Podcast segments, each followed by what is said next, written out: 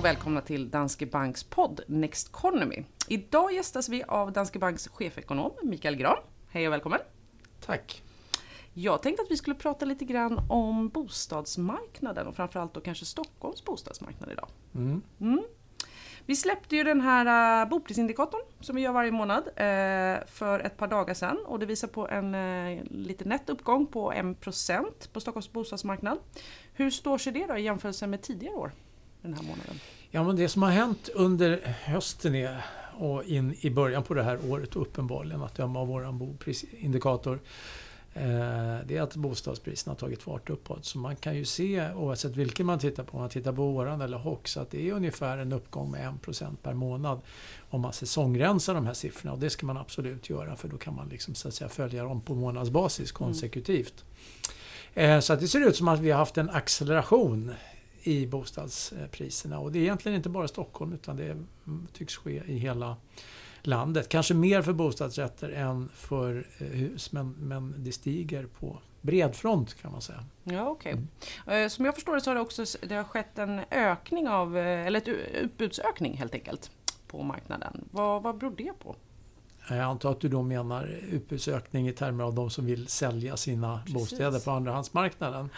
Ehm, eh, och så har det varit. Det ser vi i vår egen indikator att det var väldigt, väldigt stor omsättning i eh, januari. Faktiskt rekordhög mm. eh, omsättning. Så att eh, jag skulle tro att utbudet, utbudsökningen om den ökade omsättningen och de stigande priserna. Allt det här beror faktiskt på Riksbanken och att de har då sen förra året visserligen sagt mm. att de ska höja styrräntan men bara en gång till, vilket de då gjorde i, i december. Ehm, men därefter eh, var ju meddelandet att eh, nu ska räntan ligga still här mm. i flera år framåt.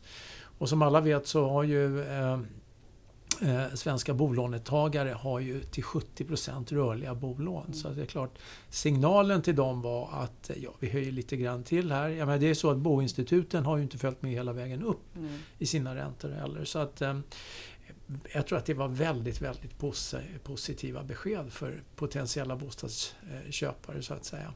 Så att, eh, no worries. Eh, bostadspriserna är på väg upp igen och Riksbanken hjälper till. Ja precis, ja, för de mm. kom ju med sitt eh, besked häromdagen då, med, mm. och väldigt väntat då, att man lämnar räntan oförändrad. Ja. Då, då menar du på att det här är liksom inprisat i marknaden nu då? Eh, eller kommer vi se några ytterligare effekter av att man lämnar den oförändrad? Då? Ja, alltså de ytterligare effekter som är, det tror jag är att man, man kan känna sig ganska lugn då om att Riksbanken inte kommer att höja eh, räntan framöver. Eh, som sagt, det finns ju till exempel i eh, KI-barometern som kommer mån varje månad så finns det ju en fråga till hushållen om vad de har för ränteförväntningar. Mm. Och där kan man se att de här har stabiliserat sig på, på, på en låg nivå. Mm. Eh, det har varit lite ryck varje gång Riksbanken höjer så rycker det upp men sen så mm. faller det tillbaks igen. Mm. Så att, eh, jag tror att de flesta säger så länge inte politikerna ändrar något på skattespelreglerna så att säga och så länge Riksbanken eh, kommer att hålla räntan låg så eh, ja, det här är ett bra läge och antagligen då gå in i bostadsmarknaden för de som kan. Ska mm, sägas. Precis. Mm. Så kontentan är då att eh, priserna eldas på eh, med, av olika faktorer. Då. Men vad skulle kunna sätta stopp för det här? Vad skulle, vad skulle krävas för att det skulle bli en inbromsning på marknaden?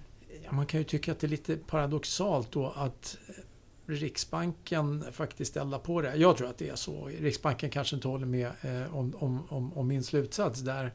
Men, men jag tror definitivt att det är på det sättet. Och eh, Riksbanken har ju under många, många år sagt att eh, man måste göra något för att få stopp på hushållens skulduppbyggnad. Eh, nu kan vi ju faktiskt se om man tittar i eh, kreditdata för mm. bostadsmarknaden, mm. alltså krediter som ges till eh, små eh, alltså hus, villor, eh, det som ges till flerfamiljsbostäder. Det är ju framförallt bostadsrätter då vi pratar om. Och även till bostadsrättsföreningar så att det faktiskt nu har bottnat ut och börjar accelerera igen om man tittar på hur många miljarder, alltså i absoluta belopp som går dit. Så att, ehm, det ser ut som att vi står inför en, en ja, ökad kredittillväxt framöver här, mm. bredbaserat. Så att, eh, nej men, eh, den bilden ser, ser bra ut. Vad skulle kunna sätta stopp eh, för allt det här?